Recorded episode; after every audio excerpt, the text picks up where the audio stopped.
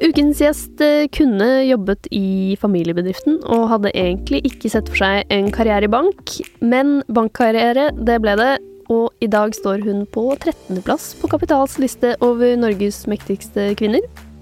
Velkommen til en ny episode av Voksenpoeng med meg, journalist Nora Rydne i E24. Og velkommen i studio, Kjerstin Bråten, konsernsjef i DNB. Tusen takk for det, Nora.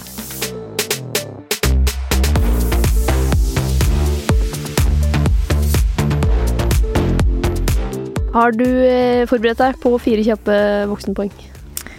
Jeg har forberedt meg litt på fire kjappe. Hvordan kom du deg inn på boligmarkedet?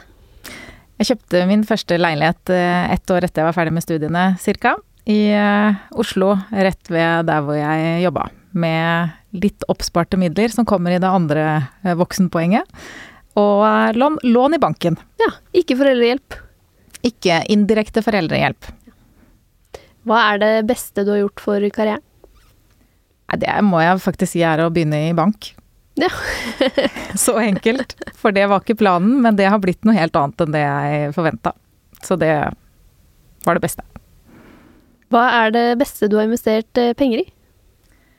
Det er nemlig nøkkelen til den første leiligheten. Fordi mm. jeg sa indirekte foreldrehjelp fordi jeg fikk et uh, forskudd på arv. Det var egentlig pappaen min som arvet penger fra en gammel tante. Og så ga han det direkte videre til meg og søsteren min. Og så puttet jeg det i uh, eiendomsaksjer. Uh, og så brukte jeg det noen år senere da som egenkapital i min første leilighet. Var det du som kom på det selv, eller var det tips fra far om å sette det inn? Det var nok litt tips fra far der, ja. ja. Mm. Det er greit å ha det. Mm. Hva er det verste du har investert penger i, da?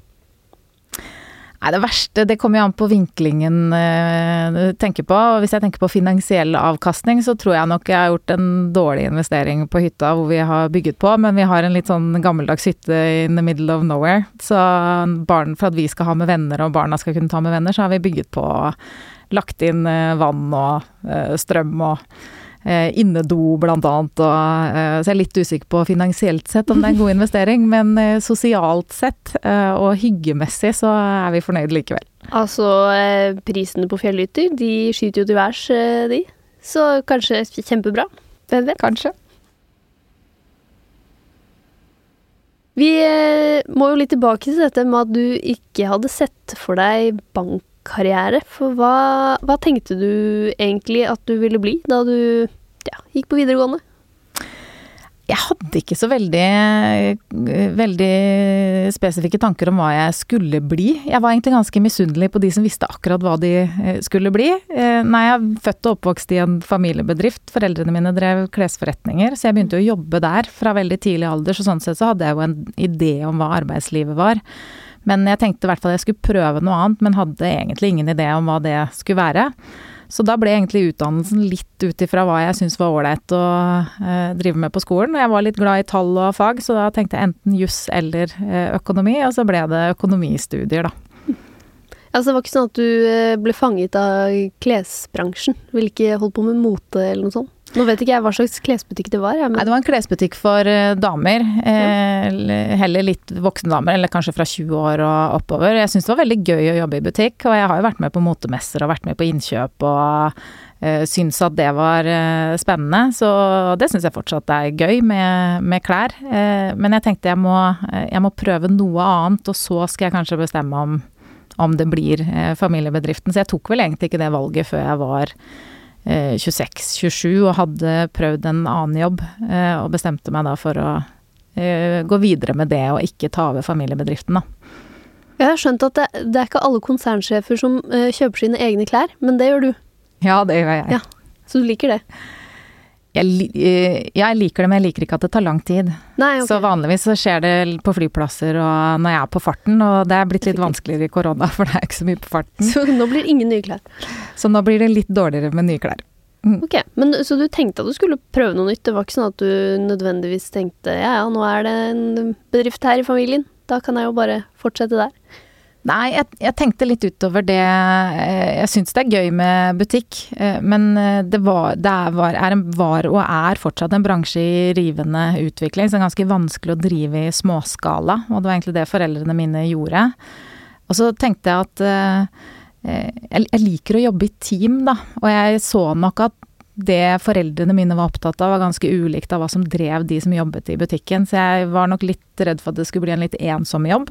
Ja. Og det tror jeg faktisk at det hadde vært. Mens uh, pappaen min hadde vært veldig engasjert i mange år i det lokale næringslivet. Og, så jeg tenkte, jeg tenkte litt på at jeg var tredjegenerasjon, sånn sett litt, litt sårt, men allikevel, det var ikke det viktigste, da. Og det var ingen forventninger eller Jeg følte ikke at uh, jeg, jeg, tror både mamma og pappa syntes det hadde vært hyggelig hvis jeg hadde tatt over, men jeg følte ikke at uh, det var et svik hvis jeg ikke gjorde det. Jeg følte meg veldig fri, da, og det er jeg egentlig veldig glad for. De, de jobbet vel kanskje veldig mye, hvis du eier en egen butikk? Ja, de jobbet eh, seks dager i uka. Så det har ikke vært så mye. Og de jobbet i feriene. Da, for da skulle de, de andre som jobbet i butikken, skulle få ha fri om sommer og eh, Vi hadde påskeferie, da. Det var da vi kjøpte denne hytta på fjellet som jeg har investert i. eh, men ellers så var det dårlig med sommerferier, og eh, vi tok ferier på andre tidspunkter. Eh, og det var jo dårlig med weekendturer, for de jobbet jo hver eneste lørdag, ja. husker jeg. Det, og det gjorde jo jeg også, faktisk, fra jeg var sånn 13-14 eh, i butikken, da. Men eh, det er jo Det er en livsstil mer enn et yrke. Og jeg har vel kanskje ikke skjønt før eh, egentlig etter at jeg ble ganske voksen, hvor mye det har vært med å farge meg. Da. Det å vokse opp i en sånn hverdag hvor du tenker på hvor mye penger kom inn i kassa, og hvordan var omsetningen i forhold til i fjor, og hvor bra går det, og hvor vellykket ble dette innkjøpet, og ja, Nei, det var veldig Det var det det var snakk om under middagsbordet, for å si det sånn. Så du hadde litt bedre oversikt over økonomi enn kanskje mange andre økonomistudenter? Jeg hadde i hvert fall et veldig sånn konkret forhold til hva det var. Mm. For det var jo, det kan jeg faktisk huske, jeg vet ikke hvor gammel jeg var første gangen jeg fikk lov til å gjøre opp kassa, men det var stas. Altså, den gang så var det jo mye kontanter, det var nesten bare kontanter. Og det var vel en dagsomsetning på 25 000, det syns jeg var helt sinnssykt mye penger. Det, det var det jo òg.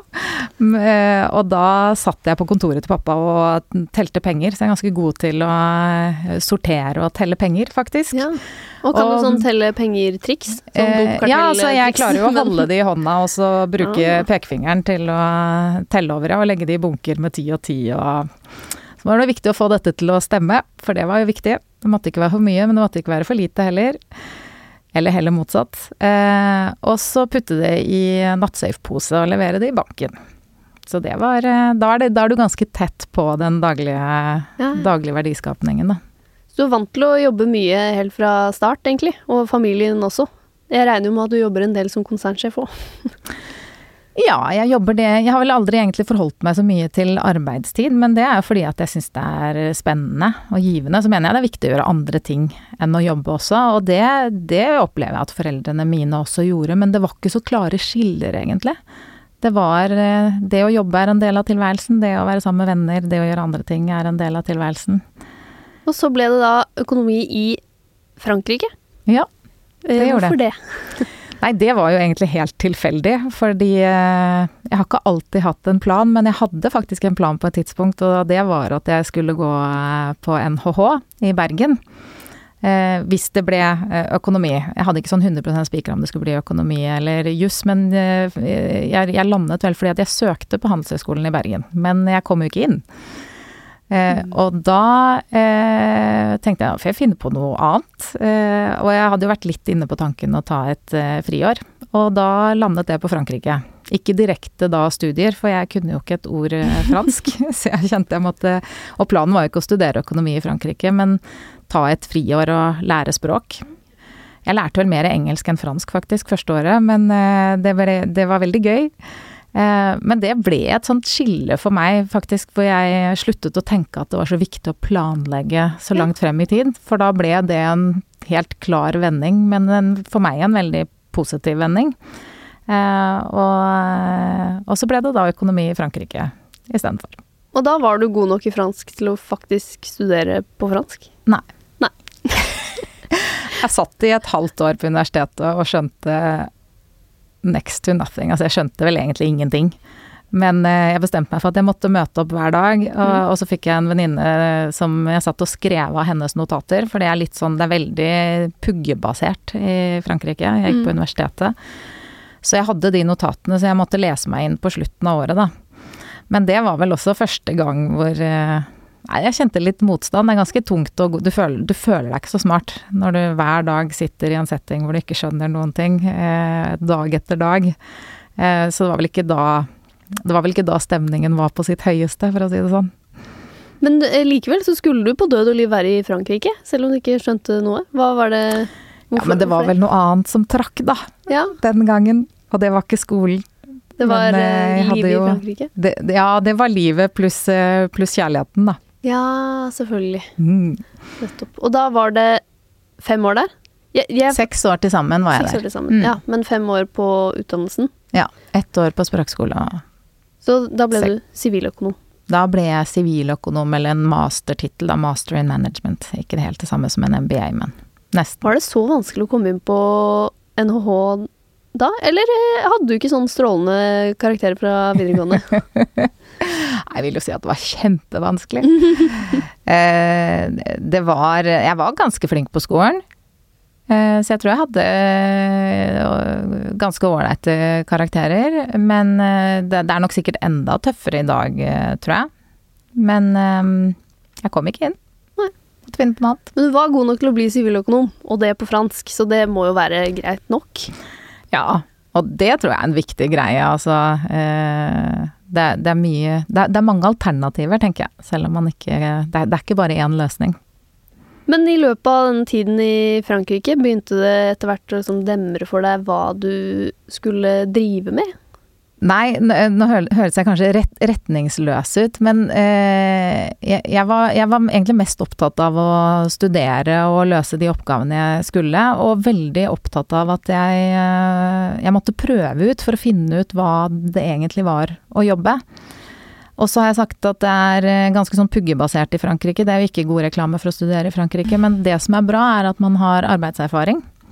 Så jeg hadde to runder med arbeidserfaring de to siste årene eh, jeg studerte. En gang tre måneder og en gang seks måneder. Og da fikk jeg et såkalt uh, studieopphold eller jobbopphold i, i Norsk Hydro. Ja, ja, altså det er obligatorisk på studiene at du må være utplassert? Det er obligatorisk, ja. ja. Mm. Så av det siste halvåret så jobbet jeg, eller jeg jobbet seks måneder da på vei inn i det siste studieåret. Ja. Så da får du jo prøvd ut litt mer enn en to måneders sommerjobb, da. Eh, hva arbeidslivet faktisk er. Og det må du, ellers så får du ikke godkjent, eh, godkjent studie. Det er jo veldig praktisk. Så eh, jeg syns det var veldig ålreit. Og jeg husker jeg hadde noen diskusjoner med mine medstudenter rett før vi var ferdige. Altså jeg var, ganske, jeg var veldig klar for å begynne å jobbe. Men også da ganske sånn fleksibel på For de spurte hva jeg hadde tenkt å jobbe med. Så jeg, jeg har, ikke helt, jeg har ikke helt bestemt meg ennå. Ja, men nå er vi jo snart ferdige. Nå må du vite. Men eh, det er veldig stor forskjell på arbeidslivet og det å studere, da. Jeg tror at eh, det, er ikke, det, er ikke, gitt at man vet eh, eh, hva man trives med. Nei, i hvert fall ikke sånn med en del sånne studier som siviløkonomi, og jeg har jo studert statsvitenskap. Det er sånn, du vet jo ikke. Du kan jo gjøre så mye. Ja. det, jeg skjønner godt. Jeg syns ikke det virker retningsløst. Um, og det var kanskje grunnen til at jeg landet på, eller hadde alternativene økonomi og juss. Det var fordi jeg ikke visste. Men jeg tenkte mm. at begge de utdannelsene, de kan jeg bruke til veldig mange ting. Uh, og det har jo jeg fått erfare i praksis, at begynnelsen uh, Jeg begynte jo på et veldig annet sted enn der jeg har landa, da. Og det tror jeg kommer til å gjelde enda flere fremover nå, fordi studiene blir en mindre Så fort som næringslivet endrer seg, økonomien, samfunnet så tror jeg studiene er jo bare én brikke av det du må lære underveis. Man kan ende opp med å jobbe noe helt annet enn det man kanskje har planlagt eller studert, da. Ja, ja for du tenker nå at det er ingen grunn til å stresse for de som sitter på Handelshøyskolen nå? Ja, det tenker jeg. Ja. Det er ett steg på veien, men eh, det kommer mange andre. Og det jobber jo vi mye med uh, hos oss også, og faktisk uh, uh, tilby kompetansepåbygg, eller tilby folk å trene seg eller utdanne seg inn i andre retninger enn det de har jobbet med før. Fordi behovene endrer seg. Mm.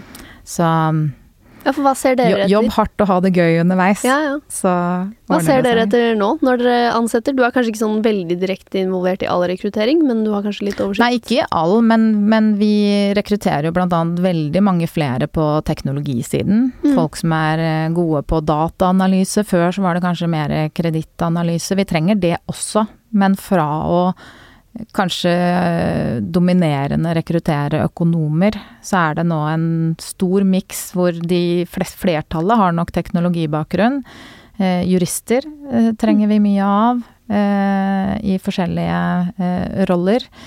Eh, eh, jeg tror vi har folk med veldig mye ulik bakgrunn, og vi jobber jo veldig med å prøve å øke mangfoldet også. Kompetanse er jo en av de områdene vi er opptatt av å bredde ut, fordi vi må liksom speile det samfunnet vi er en del av for å forstå kundene våre, da. Ja, og det går kjapt. Det går veldig kjapt.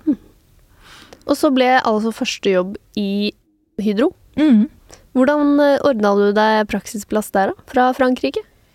Det eh, Nei, erfaringen da jeg prøvde å søke jobb, for jeg søkte jobb i Norge, eh, praksisplass, eh, for jeg hadde jo ikke råd til å betale for eh, leieleilighet i en halv, et halvt år, for du jobber jo selvfølgelig gratis. Ja, ja. Og så tenkte jeg at da var jeg jo en kjempeattraktiv kandidat, nesten ferdigstudert og villig til å jobbe gratis et halvt år. Men, men, det var faktisk ikke så enkelt, for det er litt sånn ukjent i Norge. Man er vant til folk som har sommerjobber, men et halvt år var jo Det passet ikke helt inn, så jeg jobbet ganske hardt for å eh, finne, finne, en jobb.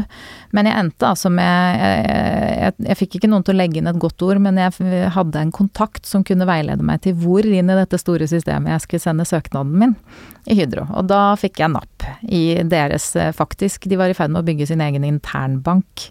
Eh, yes. Så jeg jobbet på finans, eh, finansavdelingen da, til mm. Hydro. Da fikk jeg noen relasjoner, så var det de som tipset meg eh, noen måneder etterpå, eh, eller da jeg var nesten ferdigstudert og var innom på besøk, at det var en jobb som de tenkte jeg burde søke på, da. Som eh, ikke var den jobben jeg fikk, men som ledet meg til den jobben jeg fikk. Ok, ja, mm. og det var? Det var en trainee-stilling eh, hvor Eh, nå endte jeg opp med å jobbe med shipping, men jeg skulle egentlig bli trader, rett og slett. Og sitte ja. og trade, handle råvarer, da. Mm. Internasjonalt. Mm. Men det ble ikke det? De ville ikke ha deg som trader? Jo, jeg hadde lyst til å jobbe med shipping. For, for ja. å lære meg opp til det, for dette er jo varer som eh, rett og slett fraktes på skip rundt omkring i verden. Egentlig gass som de mm. bruker til å produsere kunstgjødsel. For dette var det som i dag er Yara. Eh, og for det første jeg skulle lære meg, var eh, det som vi for, kalte for operasjon av båtene. Det å ordne med papirene til lasten og snakke med kapteinen hvor han skulle hente lasten og hvor han skulle frakte den til. Eh, og så syns jeg det var så utrolig spennende å være i kontakt med de som var på båten og få liksom et Jeg hadde aldri vært så innmari verken interessert i eller god i geografi, men da ga det plutselig mening, da, når du kan sitte og eh, se på kartet og faktisk skal fysisk be noen om å eh, reise fra A til Å. Så mm, Eller A til B, helst. eh, så, så, da sa jeg at jeg hadde mer lyst til å fortsette å jobbe med det. Ja. Og da fikk jeg det. Men eh, du likte Altså, hva var det du oppdaget i den første jobben av liksom talenter og interesse? Nei, jeg tror jeg er en person som har lett for å engasjere meg i ting. Og jeg syns eh, Og så liker jeg godt å jobbe med mennesker. Det var veldig mye puls, da, i den jobben jeg hadde. Fra å styre med hvor båtene skulle, så gikk jeg også over til å være det man kaller for befrakter. Det vil si at det var jeg som fikset de lastene som båtene skulle hente. For dette var ikke båter som Hydro fylte med sine varer, men det var rett og slett båter som, som eh, andre bedrifter puttet sin last om bord i for å få den fraktet fra A til B. Eh, og det, det å få lov til som 26-åring å sitte og forhandle med amerikanske selskaper, med, med, asiatiske selskaper, med europeiske selskaper gjennom meglere, da, som er veldig sånn eh, rask fart, eh, det, det, likte jeg veldig godt. Jeg liker når det er litt trykk, da, mm. og punch. Eh, og tro det eller ei, den gang så var det ikke så vanlig å ha mobiltelefon, men jeg fikk jo mobiltelefon dag én da jeg var på jobb, og måtte liksom være på hele tiden. Og det syns jeg var ganske kult, da. Var det sånn de i koffert med liksom Nei, det var ikke det. Den var håndholdt, men den hadde sånn antenne som man kan trekke ut. Nokia-telefon. Eh, og den hadde atskillig lengre varighet enn dagens eh, telefoner, og funket utrolig bra som telefon. Mm. Eh, nei, så jeg likte punchen, og jeg snakket veldig mye med andre, eh, andre, mennesker. Og fikk jo veldig stor frihet fordi det tross alt var viktige, men ganske små, små kontrakter sånn i, i, den store helheten, da. Hvor lenge endte du med å være i, i Hydro? Mellom fire og fem år. Ja, så var ikke så lenge. Nei. Da tenkte jeg på livet i femårsetapper, kanskje fordi jeg hadde studert i fem år. Så da jeg begynte i DNB, så tenkte jeg nå skal jeg være her i fem år. Så skal jeg videre. Og sånn ja, ble det jo ikke. hadde en plan om det. Ja, det hadde jeg en plan om. Jeg ante ikke hvor jeg skulle, men jeg tenkte at eh, det var fint å bytte litt, ja. Men Mm. så du gikk altså fra Hydro til DNB, og hva, hvordan gikk det til? Nei, det gikk til eh, Jeg hadde det veldig morsomt på jobben min i Hydro, men det å jobbe med shipping var ikke veldig sånn sentralt av det Hydro drev med. Det var jo tross alt kunstgjødselproduksjon, så jeg kjente at det var litt på siden. Eh, så eh, når du har sittet på julaften og snakket i telefonen eh, tre år på rad, så er det ikke like spennende eh, etter hvert. Eh, så mm, hadde jeg jo studert finans. Jeg hadde porteføljeforvaltning som min fordypning på skolen, så jeg tenkte at hvis jeg skal ha noe glede av det, så må jeg begynne å jobbe med det. Ellers så, eh, ellers så starter jeg egentlig på, på nytt, da, i hvert fall i forhold til det som fagområde. Og det var sånn bank dukket opp. Jeg hadde faktisk ikke tenkt at jeg skulle jobbe i bank noen gang, merkelig nok. Eh, og så var det en jobb ledig i DNB, som var i DNB shipping. Så da tenkte jeg her kan jeg kombinere finans og shipping. Aha. Jeg syns at den industrien var veldig spennende. Mm. Så det var egentlig litt sånn midt i blinken. Og så fikk jeg den jobben. Mm. Men da så du for deg fem år der, og så noe annet? mm. Men det skjedde ikke? Nei, det skjedde ikke, fordi eh, det ble jo starten på en reise hvor jeg opplevde at jeg hele tiden fikk muligheten til å utvikle meg. Fikk eh, utvidet ansvar, nye oppgaver, nye jobber, eh, med ganske hyppig eh, frekvens, rett og slett. Fordi det var en del av virksomheten som vokste fort, og vi var i stor, stor endring, da. Og det er vel kanskje det jeg også kan tenke at eh, jeg trives med. Jeg trives ikke med at ting er helt likt over tid. Jeg er glad i utvikling og, og endring. Litt utålmodig, eller Kanskje litt utålmodig. Ja. ja. bli lei av å gjøre samme ting? Ja. Jeg liker, jeg, altså, liker, liker å kjenne at det er en fremdrift på ting. Mannen min blir irritert meg når vi går på tur, for jeg ligger liksom fem meter foran. Jeg er alltid opptatt av at vi skal fremover. Og da Du begynte altså i shipping i DNB, Mm.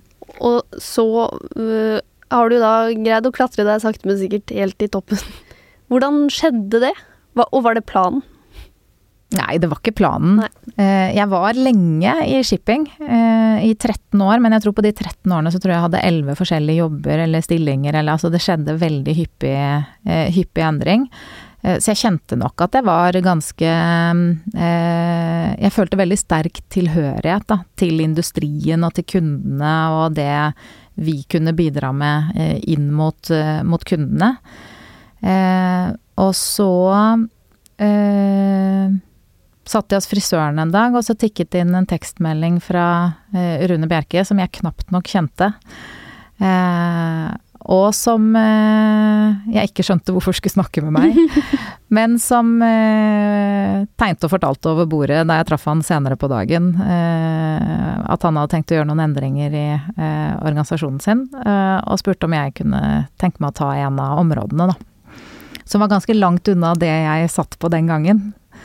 Ja, og da eh, Han var altså konsernsjef, var konsernsjef, ja. eh, på den tiden. Eh, det var han jo inntil nylig. Du Mm. tok jo over for ham. Mm. Eh, hva sto det i den SMS-en du fikk hos frisøren?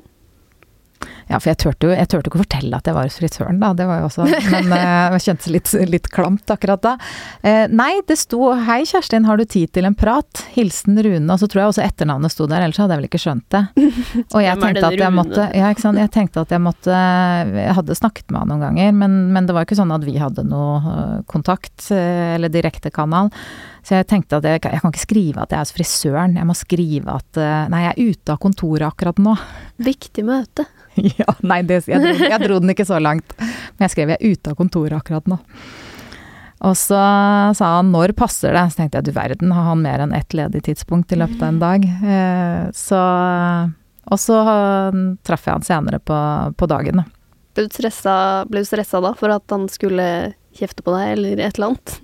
Nei, jeg trodde ikke han skulle kjefte på meg, for det kunne jeg ikke helt skjønne hvordan han skulle ha seg. Men jeg skjønte virkelig ikke hvorfor han skulle snakke med meg, og jeg brukte usedvanlig lang tid på å skjønne eh, hvor han skulle, tror jeg. Fordi dette var flere nivåer over den jobben jeg satt. Eh, så, så det var ikke helt det, var, det var ikke logisk for meg. For hvilken jobb var det du Eh, fikk da?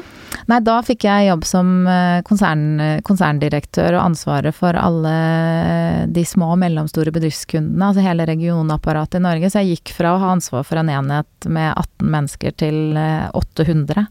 Eh, og en en, en veldig, veldig annerledes jobb, da. Så, men det jeg husker fra det møtet, og det syns jeg er morsomt, det prøver jeg å tenke på av og til når jeg har møter i dag, for jeg husker at jeg satt og tenkte at jeg må skynde meg, fordi at han har sikkert så dårlig tid. Så jeg må skynde meg å bli ferdig, enda det var jo han som skulle snakke med meg. Så um, Og så fikk jeg to dager til å tenke meg om, eh, og ikke lov å snakke med noen. Så det var jo eh, en eh, Ingen. spennende beslutning. Nei, jeg fikk jo snakke med mannen min, Ja. men, men han drev jo og la sin kabal, da. Mm. Og så ble det ja. Så ble det ja. Og det var, eh, det var en eh, litt sånn eh, morsom beslutningsprosess, jeg tenkt i ettertid, fordi at jeg skulle begynne å tenke på alle grunnene til at jeg skulle si ja. Og det hadde jeg jo ikke noe innhold å fylle med, for jeg visste jo egentlig ikke hva jeg gikk til. Så jeg klarte ikke helt å argumentere meg til hvorfor jeg skulle si ja, så jeg snudde det på hodet og tenkte hvorfor skal jeg si nei? Og da satt jeg ikke igjen med så mye annet enn at jeg skulle si nei hvis jeg var for redd for å feile. Det var vel egentlig den eneste grunnen jeg kunne komme på for å si nei, for det var utrolig spennende. Og jeg hadde jo lært mye om DNB og syns det, syns det er en veldig spennende virksomhet og vet at det er veldig mye flinke folk, og at man ikke sitter alene. Så da ble det egentlig en ganske enkel beslutning. Du hadde allerede en lederstilling da. Når oppdaget du at du likte å lede?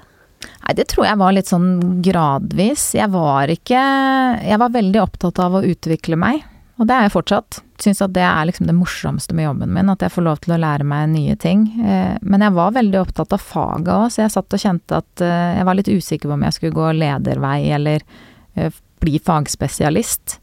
Og så vokste aktiviteten på shipping, altså det vi jobbet med så mye at jeg fikk muligheten eh, relativt tidlig fordi det var omorganiseringer. Da var jeg vel kanskje 32-31, noe sånt. Eh, og, da, og da var det jo å ta ansvar for et lite team. Eh, og da rakk jeg vel opp hånda og sa det, jeg kan godt bidra, eh, bidra med det. For da satt jeg i den ledergruppen som en sånn fagspesialist, da. Så, så Og så har jeg, har funnet ut at jeg trives med det. Jeg syns det er spennende, jeg syns det er morsomt å jobbe med folk og få, få til resultater gjennom andre. Og så liker litt dette tempoet, da, og det er jo en av de Det blir jo liksom flere baller i luften når du har lederansvar ofte. Hva tror du er eh, Hva gjør deg til en god leder? Det må Jeg tenker alltid på sånn eh, Folk som deg, som har vært i samme bedrift lenge, også liksom avansert hele tiden. Eh, jeg lurer veldig på hva de har til felles, liksom. Og jeg tenker meg jo at det er noen som på en måte ser deg, eh, og, hva potensialet er. Hvordan, hvordan tror du selv det har funket? Jeg tror det er viktig å eh, vise interesse. Vi snakker ofte om det å rekke opp hånda, og først så tenkte jeg nei, men jeg har jo ikke sittet og rukket opp hånda, men eh, jeg har jo vist at jeg har vært interessert og gjort meg synlig. Eh, Om ikke det var akkurat gjennom å rekke opp hånda og si at jeg vil bli, jeg vil ha den og den jobben, så har jeg alltid prøvd å ta eierskap til problemstillingene til sjefen min. Aldri jakte på jobben hans eller hennes, men prøve å tenke hvor, hvordan kan hvordan bidra til å løse, løse utfordringer da, og ta beslutninger. Eh, men egentlig syns jeg det var ganske urettferdig. Første gangen jeg fikk eh, eh, beskjed om å rykke opp i ledergruppa i shipping. Det var ikke den første lederjobben min, men, eh, men eh, eh, For jeg tenkte hvordan all verden Jeg syns det var så mange flinke folk. Mm. Hvordan kan eh, sjefen min den gangen da vite at det var jeg som skulle få det til, og ingen andre? Det, og det var ikke nødvendigvis gitt, da. Men jeg mener faktisk at det er en del av et lederansvar også, å tørre å satse på noen. Mm. Eh, fordi det er ingen som er født til å eh, være toppleder eller til å lykkes som leder. Det er en utvikling og erfaring og eh, Man må være interessert i å utvikle seg og lære, og interessert i folk, tror jeg.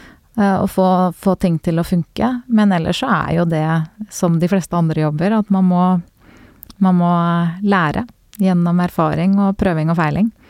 Eh, og da er det viktig å Det blir som å vanne plantene for at de gror, på en måte. Men du oppdaget at dette er noe jeg kan? Altså, folk vil gjerne følge meg hvis jeg er leder. Ja, det må du spørre folk om, men, eh, men eh, jeg er nysgjerrig på hva som, eh, hva som får folk til å eh, fungere, da. Og syns at det er fascinerende eh, å se hvordan eh, Altså, jeg har sett Trenger ikke nødvendigvis være et e-, eget eksempel, men jeg har jo sett kollegaer som har fungert ganske sånn passe i én situasjon, og så har de fått en veldig flink leder. Og så plutselig blomstrer de veldig opp, da. Og blir mer motivert og leverer og presterer bedre. Eh, så det er ganske morsomt å se hva, eh, hva eh, man kan få til, da. Gjennom god ledelse og gjennom å jobbe, jobbe sammen. Og så tror jeg at om det er noen fellesnevnere Jeg tror, jeg tror ikke nødvendigvis. Jeg tror det er veldig mange forskjellige folk som er ledere. Det er ikke bare én mennesketype. Det er alle. Eh, men du, du, må, du, må, trives med å jobbe sammen med og gjennom andre. Det tror jeg er en fellesnevner. Og du må være interessert i eh, andre mennesker. Så du er ikke en micromanager? Ikke en micromanager. Har du noen svake sider da, som leder? Alle har jo svake sider, og alle har eh, forbedringspotensial. og eh, noen ganger så Vi var vel inne på utålmodig, kanskje litt uh, utålmodig. Eh, og da kan jeg kanskje gå litt fort frem og snakke litt eh, høyt opp i trakta, som jeg pleier å kalle det, uten å vite om alle er helt med, kanskje. Så gikk du da altså fra denne lederstillingen for 800 mennesker plutselig. Og så gikk du derfra til CFO. Ja. Altså eh, Finansdirektør, ja. Finansdirektør. Mm. Og så ble du konsernsjef. Hvordan gikk det til?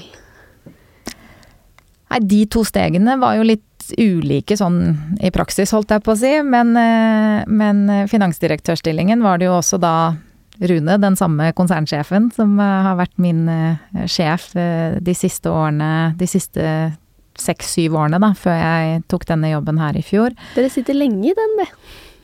ja, men to, han var min sjef i seks-syv år i to forskjellige jobber, da. Ja. Eh, så sånn sett så hadde jeg ja, begge de jobbene i ca. tre år mm. hver. Så jeg tror nok eh, det er ganske hyppige endringer i DNB sammenlignet med mange, mange steder. Men eh, han som var finansdirektør skulle gå av eh, for alder. Så da, da, da kom også Rune og spurte om det var en jobb jeg kunne tenke meg. Så hver gang du fikk melding fra Rune, så skjønte du hva som var i ferd med å skje? Ja, altså den gangen, da, da, da, snakket vi litt mer sammen, for ja. da var han jo sjefen min.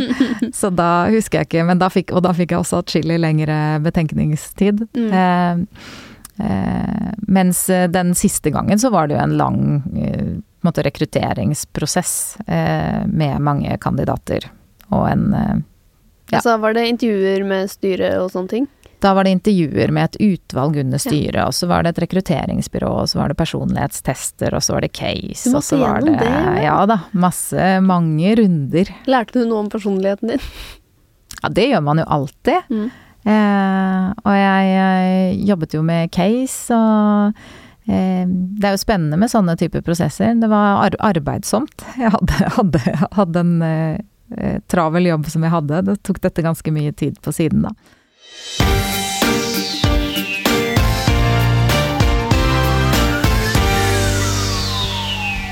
Du har jo vært leder eh, for veldig mye viktige ting i, lang tid, så jeg er ekstra spent nå på tabbespalta vår.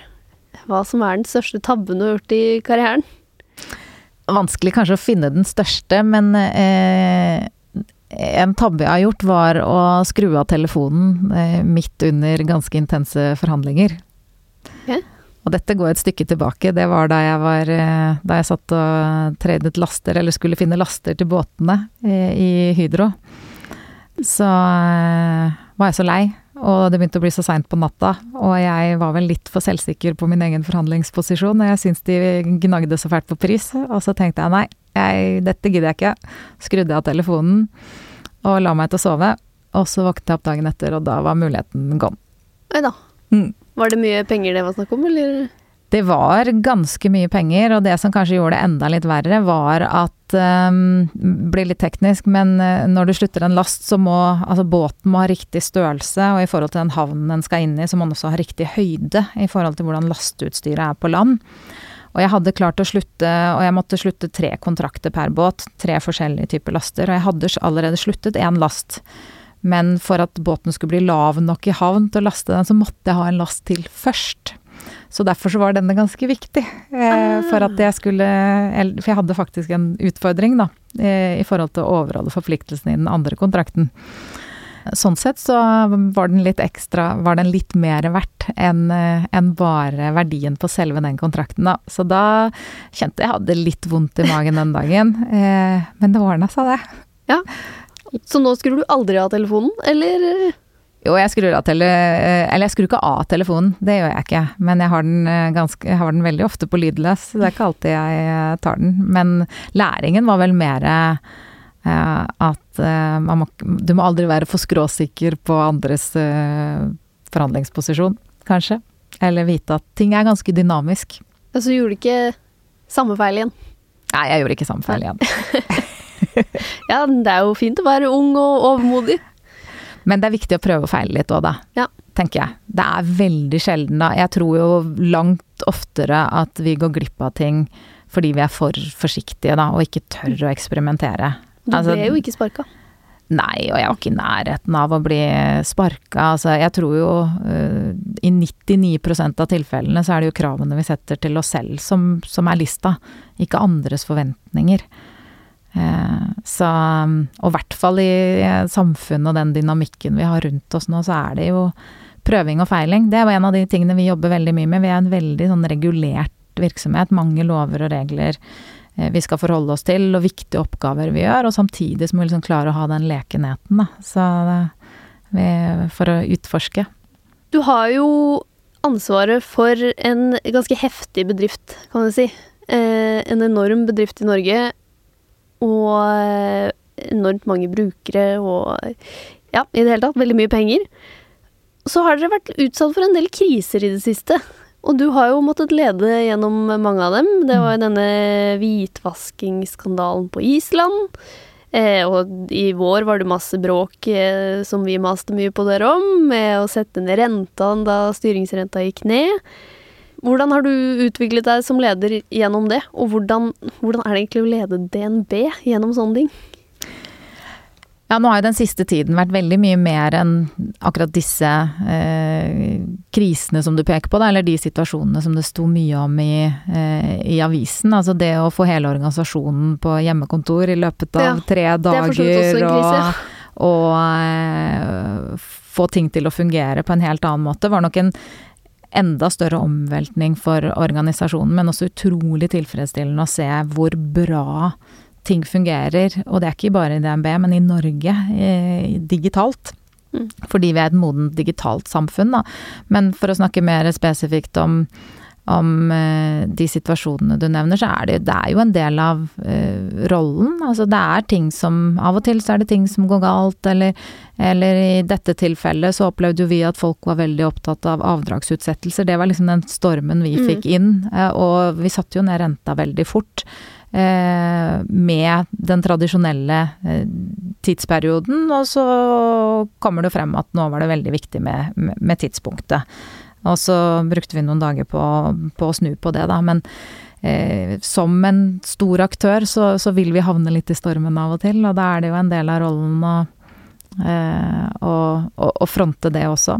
For det er jo eh, det er en utrolig Jeg sier jo at jeg har Norges beste jobb, i hvert fall. Eh, og det er utrolig mye flinke folk, men også er det av og til ting som går galt i store virksomheter. Og da sitter man jo med ansvaret for det òg. Ja, for det er så heftig. Den, jeg tenkte, altså Spesielt denne hvitvaskingsskandalen, da. Den kom jo liksom krypende for oss som sto og så på, i hvert fall. Du visste kanskje om det før det dukket opp i en bitte liten avis først. Hva tenker man da, når det er sånn Yes, en diger skandale, nå må jeg bare sitte og vente. Tenker man noen ganger Å, helvete, skulle ønske jeg ikke var sjef nå. Nei, det, jeg tror vel mer det er viktig da når det oppstår en, en situasjon, og dette handlet jo om eh, en virksomhet som eh, har vært eh, kunde og var kunde hos oss, som var anklaget for eh, bestikkelser for å oppnå fiskerettigheter i, i Namibia. Og så hadde de hatt konto, eh, konti hos oss, og så var jo spørsmålet om, om, om de har brukt de kontiene til å overføre penger fra virksomhet som da Eh, ikke var eh, ikke var, var, var lovlig, da.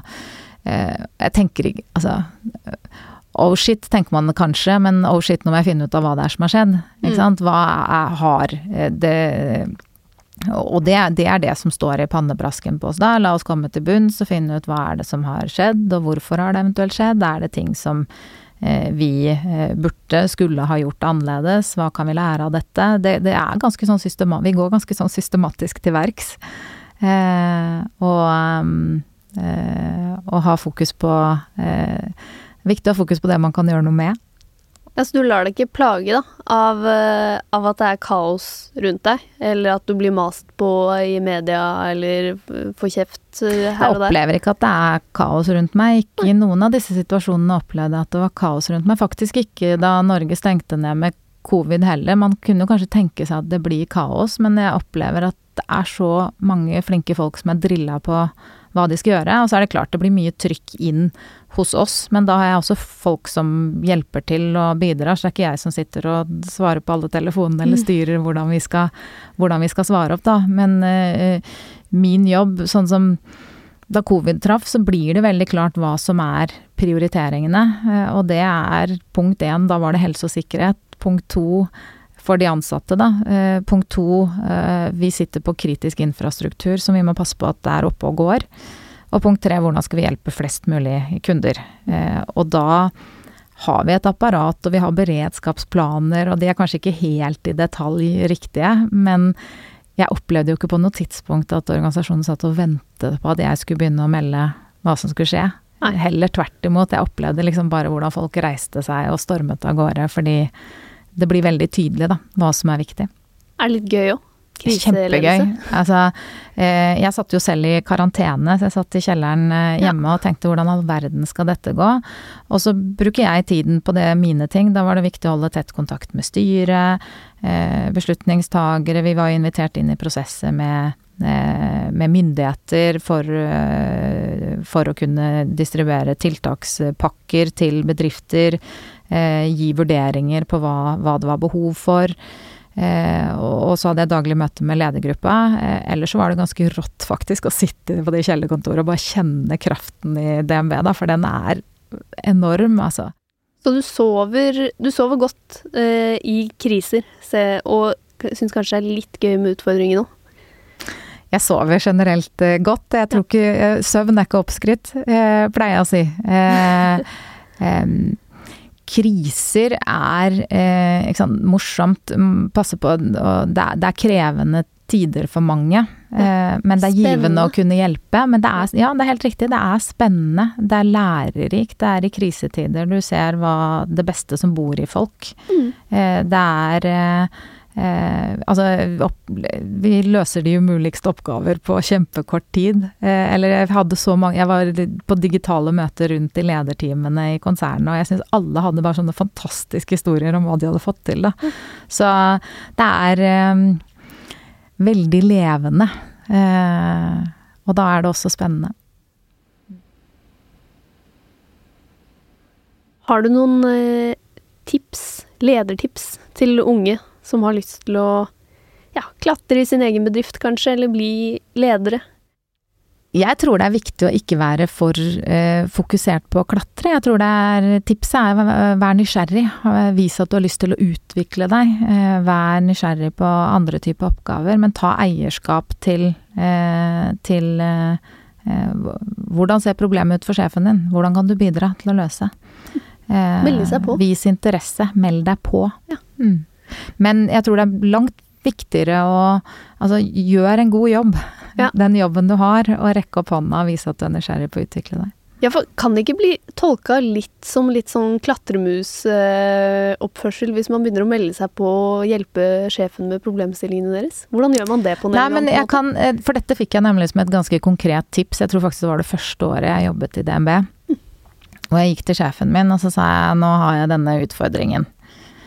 Og så sa han til meg men Kjerstin, du skal ikke komme sånn. Du skal si nå har jeg denne utfordringen, og her tenker jeg at vi har to valgmuligheter. Vi kan enten gjøre A, vi kan løse det sånn og sånn, eller vi kan gjøre B, løse det sånn og sånn. Eh, jeg eh, vurderer at kanskje A er den beste løsningen. Hva tenker du? For det er ikke min beslutning å ta, det er hans. Men istedenfor å bare lempe problemet oppover, ah. så tester du ut og prøver i hvert fall. Tester din egen teft. Mm. Og være en rådgiver, da. Det er bra tips. Det er jo det jeg gjør når folk kommer til meg med en problemstilling. Jeg kaster den jo bare tilbake. Tenk selv. Hva, hva, hva tenker du? Og så har man ulike perspektiver. Ja. Det er jo ikke sånn at uh, lederen alltid vet best, heller tvert imot. Ja, det er jo en bra kilde til litt selvtillit, det, da. At du får uh, presentert din egen løsning. Mm. Ikke verst. Vi har et siste spørsmål her. Hvis du kunne reist tilbake i tid og gitt 20 år gamle Kjerstin et råd, hva ville det vært? Nei, det må være å eh, være i nået og nyte den tiden. Det er en så utrolig fantastisk periode av eh, livet. Eh, hvor ja, det er viktig å jobbe hardt og gå på skolen, men det er også så veldig mange andre ting man gjør som er med å forme I hvert fall hva med å forme meg som menneske, da. Så det å ta seg litt tid til å gjøre andre ting enn å bare gå på skolen og Eh, dyrke litt interesser og ha litt lave skuldre, eh, samtidig som eh, man er midt i, midt i, utviklingen, tenker jeg er viktig å ikke bekymre seg for mye om fremtiden, men eh, leve i det som er en fantastisk tid. Tusen takk for at du kom i dag, eh, Kjerstin Bråten. Takk for at jeg fikk være med. Produsent i dag, det var Sunniva Glessing. Og hvis du vil lese skoledagboka til Kjerstin, så må du gå og følge oss på Instagram. Der legger vi ut uh, mye rart behind the scenes og festlige ting om gjestene våre. Der heter vi altså Voksenpoeng med Nora.